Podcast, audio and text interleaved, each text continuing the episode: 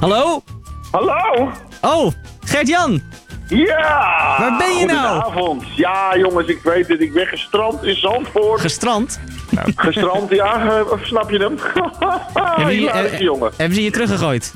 Die hebben me, ja, ik ben aangespoeld. maar wat is dit? Zijn dit, zijn dit sterrenallures? Heb je betere afspraken gemaakt? Nee, nee, ik heb een, eh, eh, eh, het eerste weekend met mij, ja, heel burgerlijk tuttig dit hoor. Nou, Met, met de kids bij, in het nieuwe huisje van, van mijn vriendin. oh. En we zijn al de hele dag op pad. En we komen net komen we uit, uit het zwembad bij Centerparks. het is zwaar, echt een zwaar, half ja. teruggehalte. Ja, ik weet het. Dus vandaar, ik dacht, nou, quality time with family.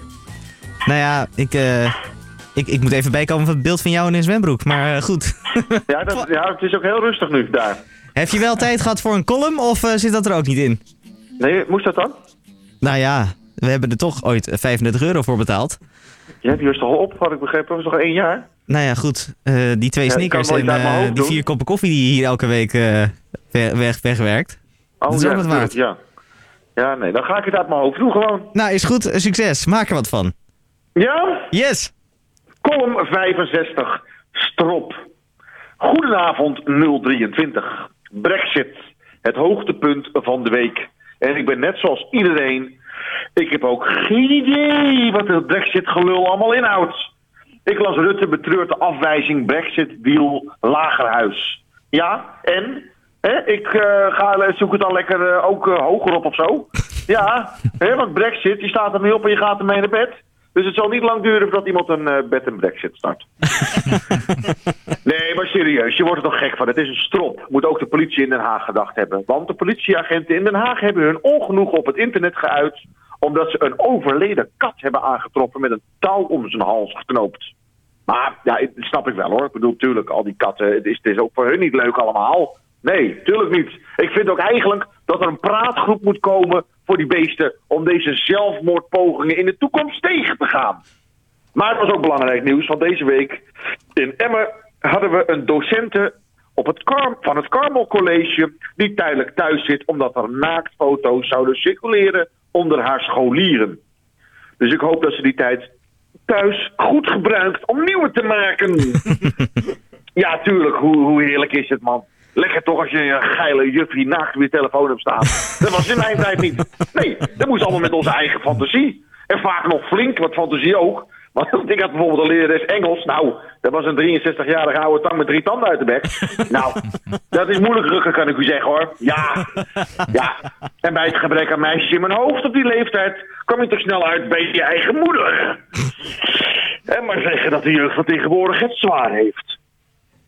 En als, eh, dat is ook zo mooi jongens, een Iers medisch tijdschrift heeft de burgers gewaarschuwd dat medisch experimenteren niet verstandig is. Nadat een Ier zich anderhalf jaar lang zichzelf had geïnjecteerd met zijn eigen sperma. En ik lees dat. En ik denk, ja, fijn dat je de burgers waarschuwt, natuurlijk. Maar kom. Dit kunnen we toch ook zelf verzinnen, of niet? Los van het feit dat ik echt nooit op het idee zou komen om mijn eigen zaad in mijn rug spuiten. Ja, hooguit over, over iemands rug. Maar serieus, hoe bedenk je dit? Je komt er vanavond thuis en dan? Eh, Henk, wat is er? Nou, Ria, ik heb een beetje eh, last van mijn rug. Heb je al een uh, paracetamolletje genomen, schat?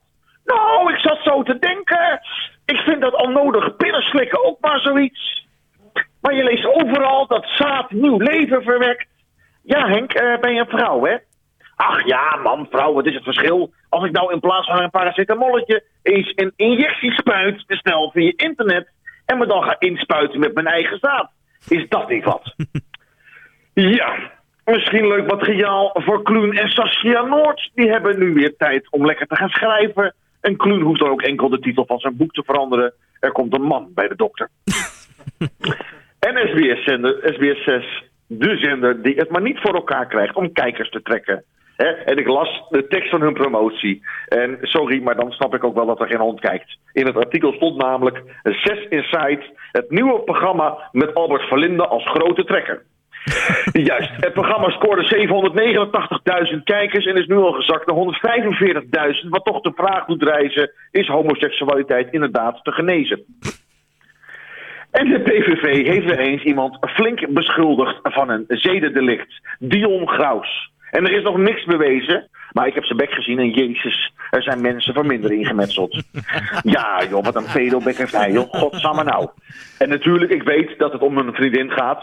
Een volwassen vrouw. Maar ik vind het toch leuk om zo eventjes aan te geven hoe link de media is. Want ik drop nu toch een gedachte. En gebaseerd op niks, dat geef ik toe. Maar het blijft toch in uw hoofd als luisteraar hangen. En dat is het gevaar van de media. Mensen worden veroordeeld voordat ze überhaupt berecht kunnen worden.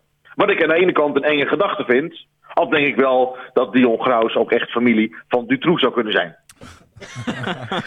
maar dan het verdriet van de 100 meter diepe put. Julen, twee jaar oud. Ligt al dagen op 73 meter diepte. Sinds 13 januari ligt hij daar. Alleen.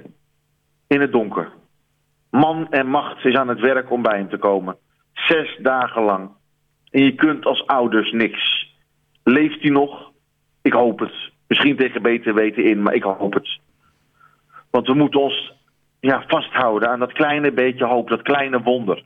Want zeg nou zelf, het zijn toch die kleine momenten in het leven die het hem doen.